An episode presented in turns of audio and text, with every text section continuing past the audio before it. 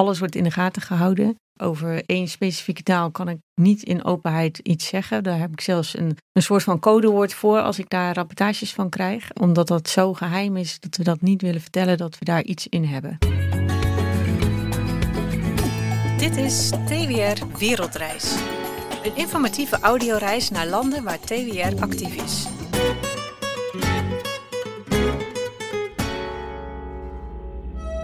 In deze eerste serie van TWR Wereldreis nemen we u mee naar China. In 10 afleveringen vertellen we u alles over het grootste en meest invloedrijke land van Azië. Aflevering 7. Minderheden. Dit is aflevering 7 van TWR Wereldreis. En we gaan uh, in deze podcast vandaag praten over een uh, thema wat de afgelopen maanden groot in, de, groot in het nieuws is geweest. En we gaan praten met Tjeerd de Boer, welkom. Ja. En Joke Krijkers, jij ook weer welkom. Mm -hmm. En uh, we beginnen even met de actualiteit. En ik lees even een stukje voor. China heeft zich schuldig gemaakt aan ernstige mensenrechten schendingen tegen Oeigoeren. Dat stond afgelopen zomer te lezen in een rapport van de Verenigde Naties. En volgens de rapporteurs worden Oeigoeren en andere islamitische gemeenschappen in het land willekeurig opgesloten en is er sprake van systematische marteling en mishandeling, waaronder seksueel geweld.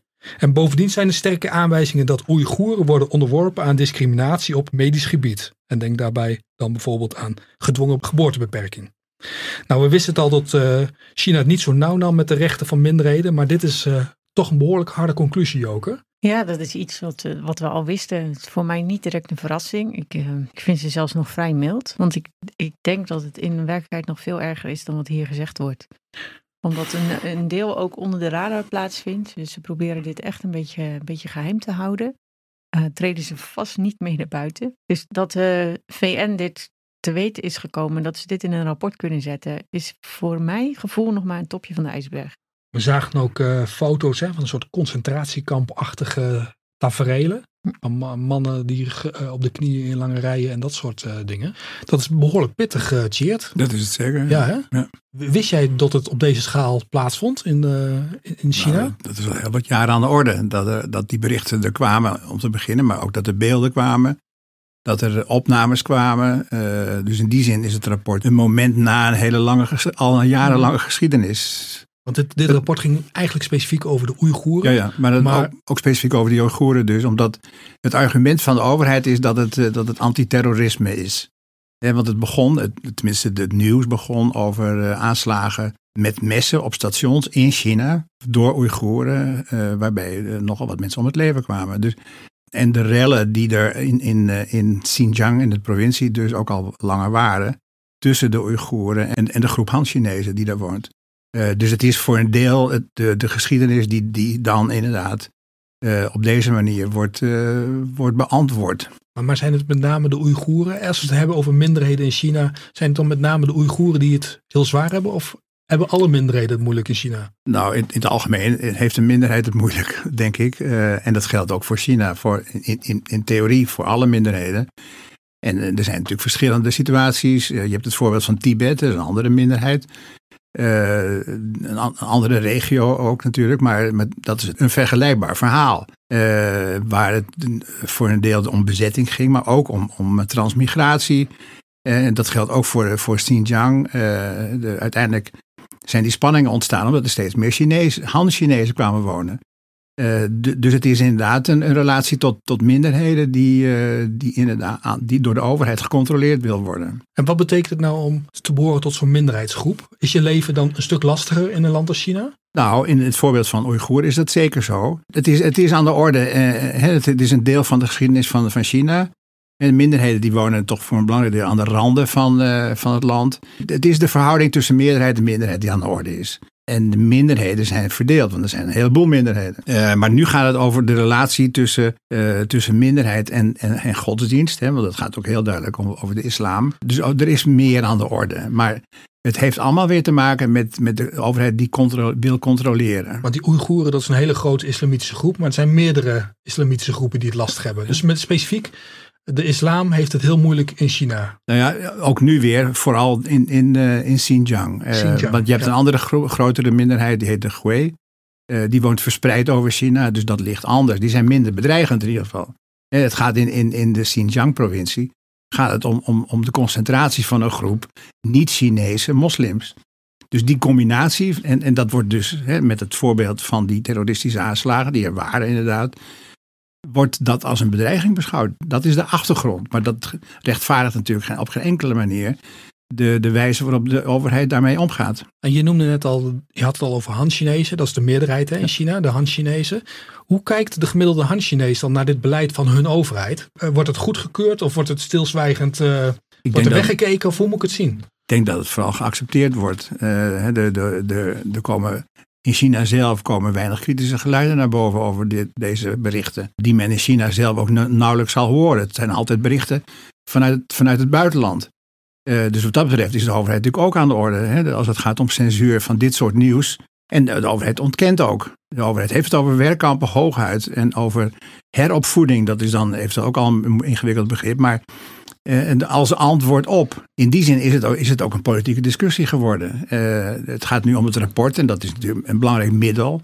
Dat, dat, dat het van de VN is, niet van een land, maar van de VN. Of dat de verandering in de situatie gaat brengen, is maar helemaal de vraag. De overheid gaat daarmee om zoals het, zoals het altijd gebeurt. Het wordt geframed. Hm. Joke, als we eens inzoomen op die Oeigoerse bevolking. Kun vertellen? Wat, wat, wat zijn Oeigoeren eigenlijk? Oeigoeren zijn van oorsprong niet van China. Die komen uit een uh, ander land. Ik denk dat daar ook een, een, deel van het probleem ligt. Dat, dat ze niet uh, oorspronkelijke Chinezen zijn. En daardoor de huidige Chinezen ook een beetje met argwaan bekeken worden. En doordat ze een minderheid zijn, ehm, ja, liggen ze een beetje onder een vergrootglas. Dus ze worden door de overheid heel goed in de gaten gehouden. Maar wat ik eigenlijk nog het meest bedreigend vind, of schokkend, is dat de Oeigoeren die op dit moment niet in China zijn, ook gevolgd worden door de overheid. Ja. Want ik hoor verhalen van Oeigoeren die bijvoorbeeld hier in Nederland zitten en dat die heel erg goed op moeten letten met wat ze doen en welke kritiek ze uiten op, uh, op China omdat dat hier en nu in Nederland voor hen gevolgen heeft.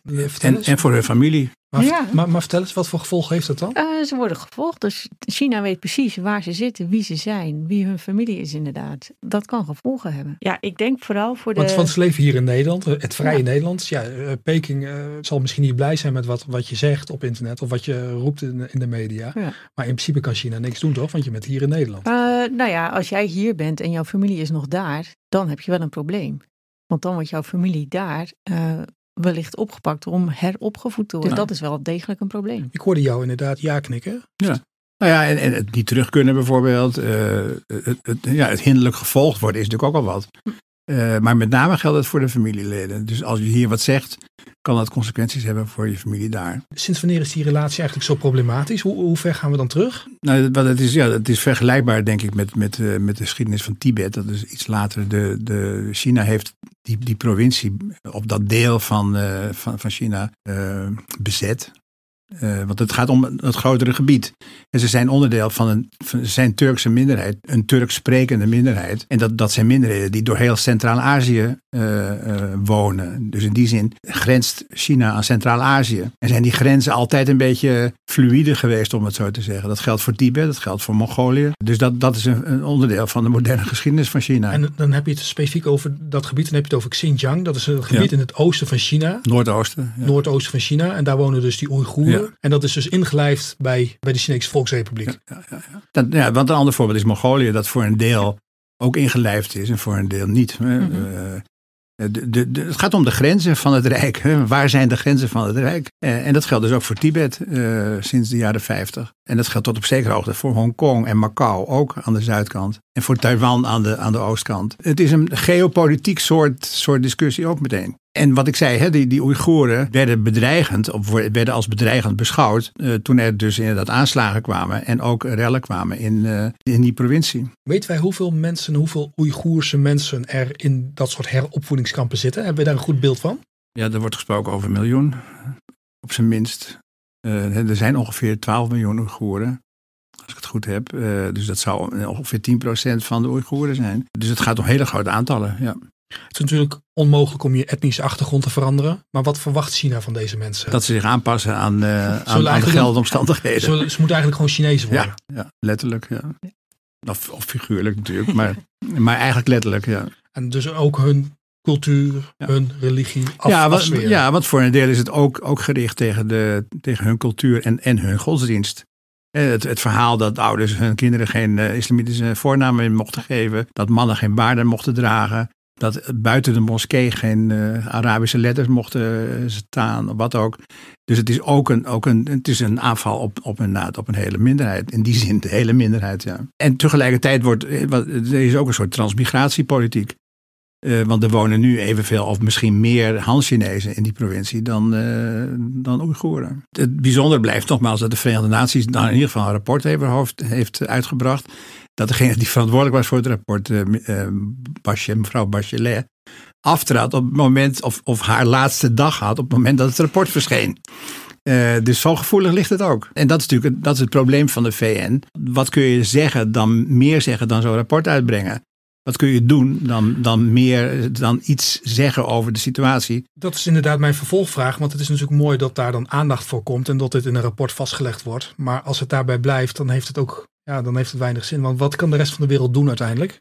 Nou ja, dat is de vraag aan, aan alle overheden, aan alle, alle onderhandelingen eventueel met, met China. Hè, van, van moet het genoemd worden? En in, principe zouden iedereen, zou iedereen die, die daar naartoe reist vanwege economische belangen, et cetera, het moeten zeggen. Maar of dat gebeurt, uh, is maar de vraag. Joko, wat, wat is jouw reactie als je dit soort dingen hoort? Ja, ik, ik herken helemaal wat je zegt. Zelfs voor een grootmacht als de VN is het heel erg moeilijk om hier de vinger bij te leggen. En, en dat ze zo'n rapport uitbrengen is heel dapper. Maar eigenlijk meer dan dat kunnen ze ook gewoon niet doen.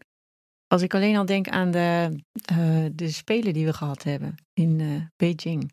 Sporters die niet vrij uit wilden spreken omdat ze bang waren het land uitgezet uh, te worden. En die achteraf wel iets erover uh, zeiden, maar, maar toch niet voluit, en dan heb ik het over onze Nederlandse sporters, die toch niet voluit durven te zeggen wat de situatie daar was, dat vind ik een veeg teken. Ik denk dat de macht van China toch uh, groter is en, en verder rijkt dan we beseffen.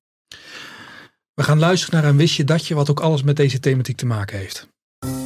Wist je dat? Wist je dat? Wist je dat? Dat wist je niet.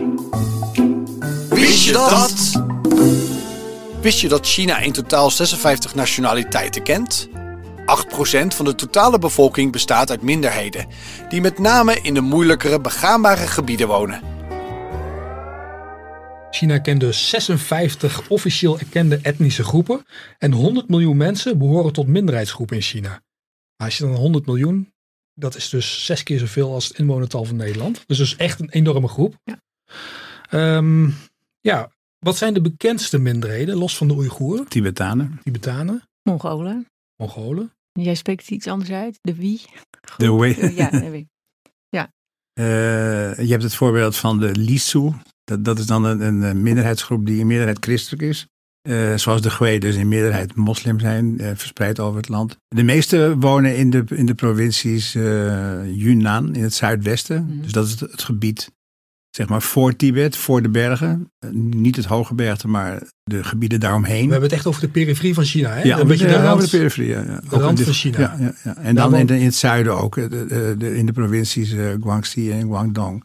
Dat, dat zijn de zuidelijke provincies, zuidwestelijke provincies. En het uiteindelijke doel van China is dus om al dit soort minderheden langzamerhand om te turnen in Chinezen. Nou, voor een deel is dat wel in orde. Dat gebeurt. Hè, je, hebt, je hebt wel uh, veel minderheden zijn kleiner, uh, wonen in zogenaamde autonome regio's. Dus in die zin hebben ze een bepaald soort vrijheid om hun cultuur uh, of eventueel hun godsdienst te beleven. Sommigen hebben ook nog, nog eigen, eigen godsdienstige achtergronden. Een, een, van de grootste groepen is de Swang. Die wonen in Guangxi in het zuidwesten. En dat is een groep die iets van 25, eh, 30 miljoen eh, mensen telt. Uh, die met name ook nog een, een, eigen godsdienst hebben. Dus dat, dat voorbeeld. En er is een zekere autonomie dus voor het beleven van je cultuur. Maar onder andere door het onderwijssysteem. En dat gebeurt in China op, als het om de basisschool gaat, vaak in internaten. Worden, zo langzamerhand worden de kinderen natuurlijk opgevoed volgens, het, volgens de staatsideologie.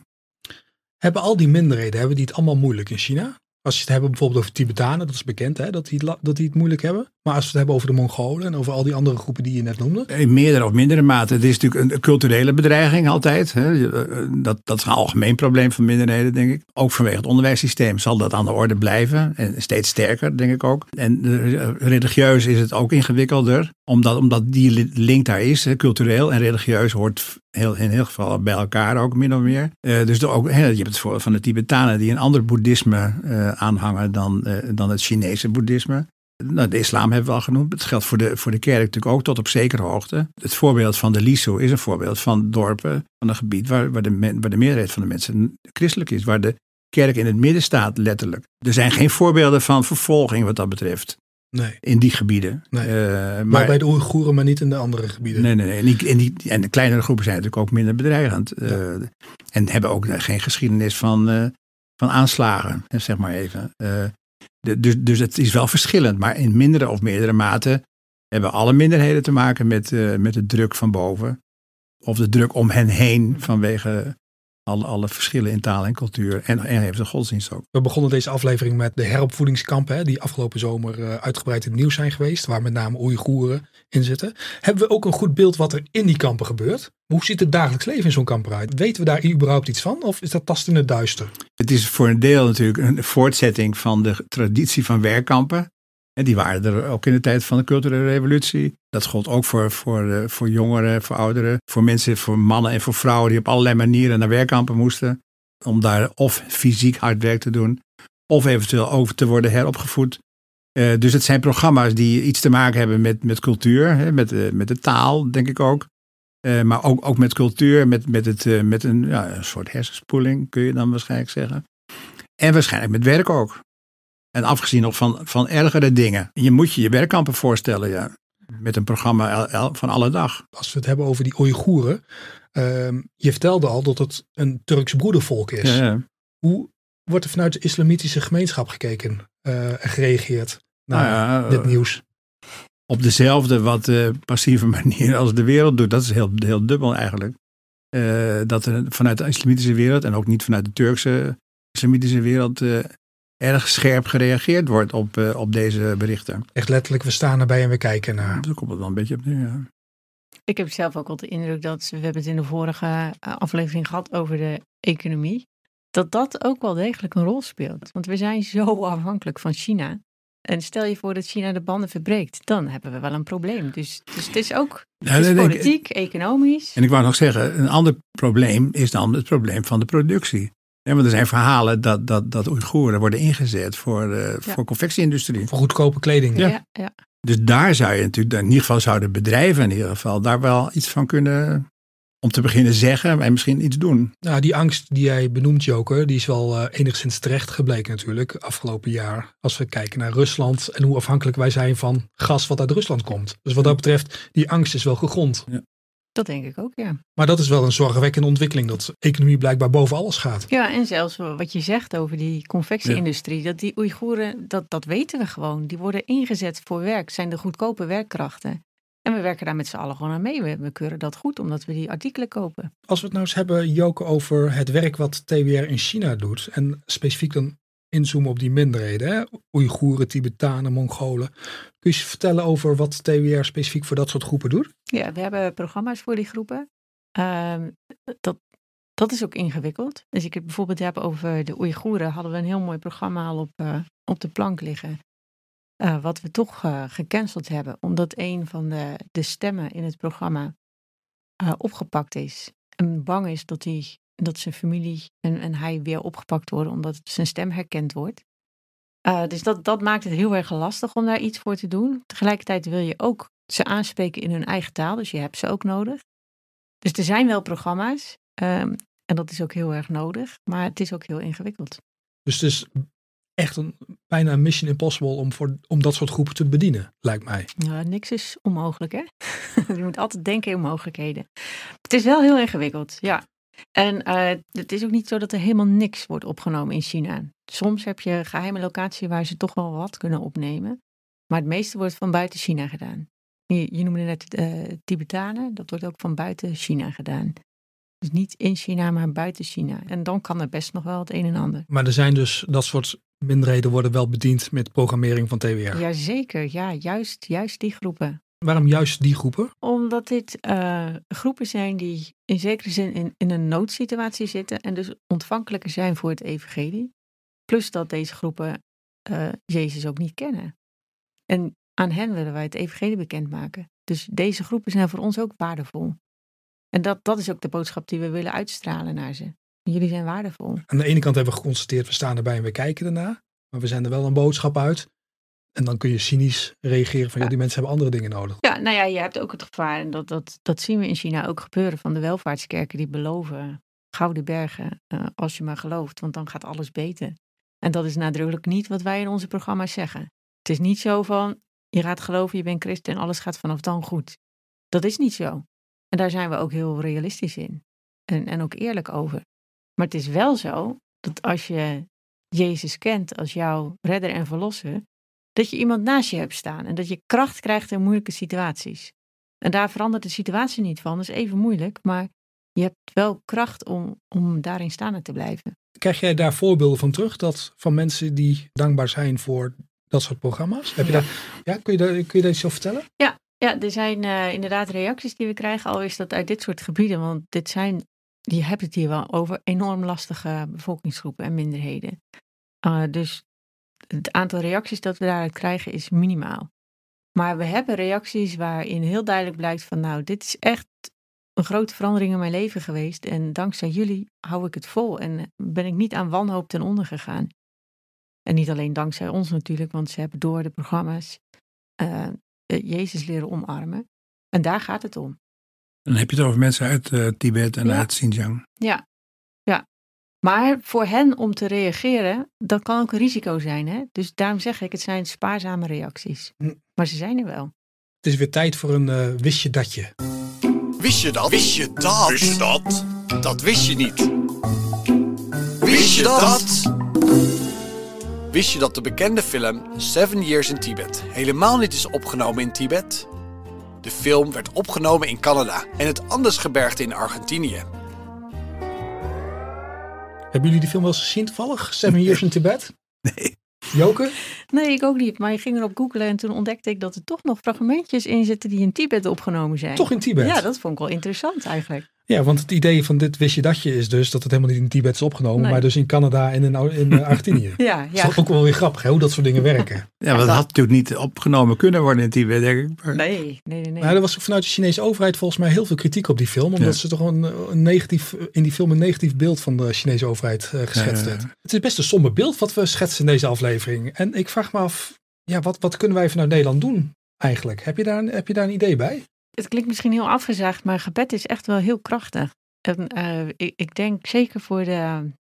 Nou, christenen zijn ook eh, is ook een minderheidsgroep daar in eh, China. Voor de christenen moeten we bidden. Maar ook voor deze mensen.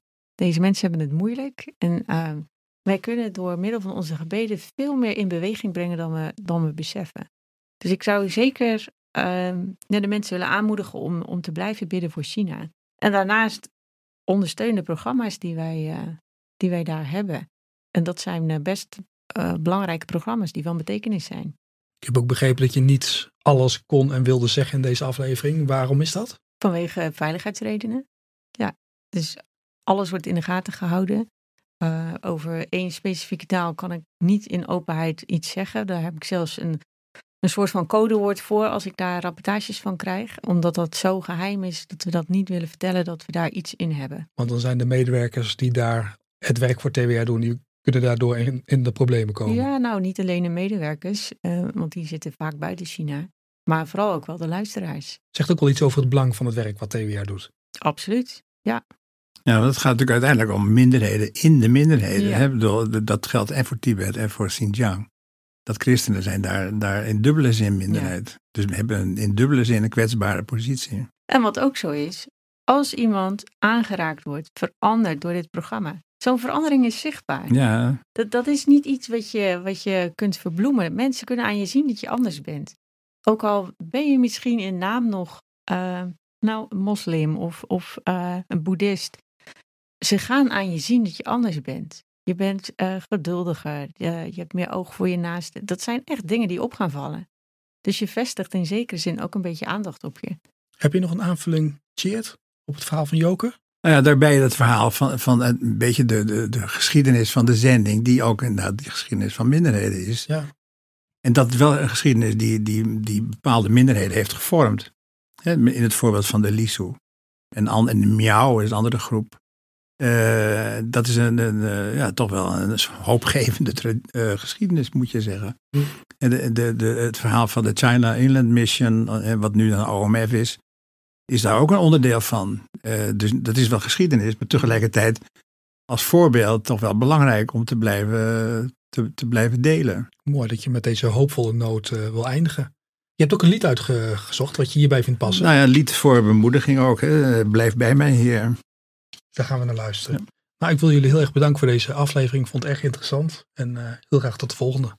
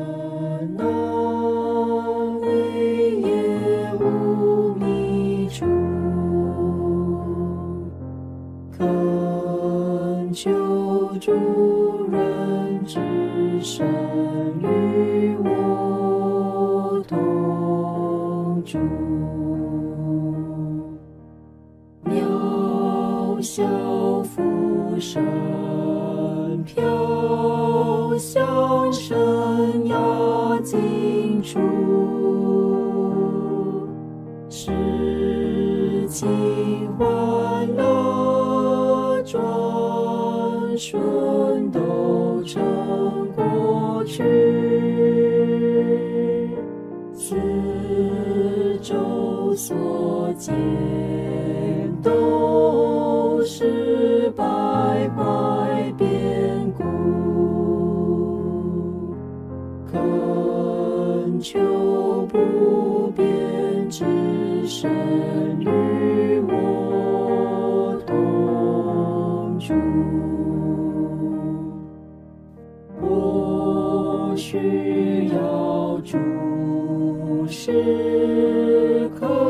在我身边，除却主恩，怎能与我作战？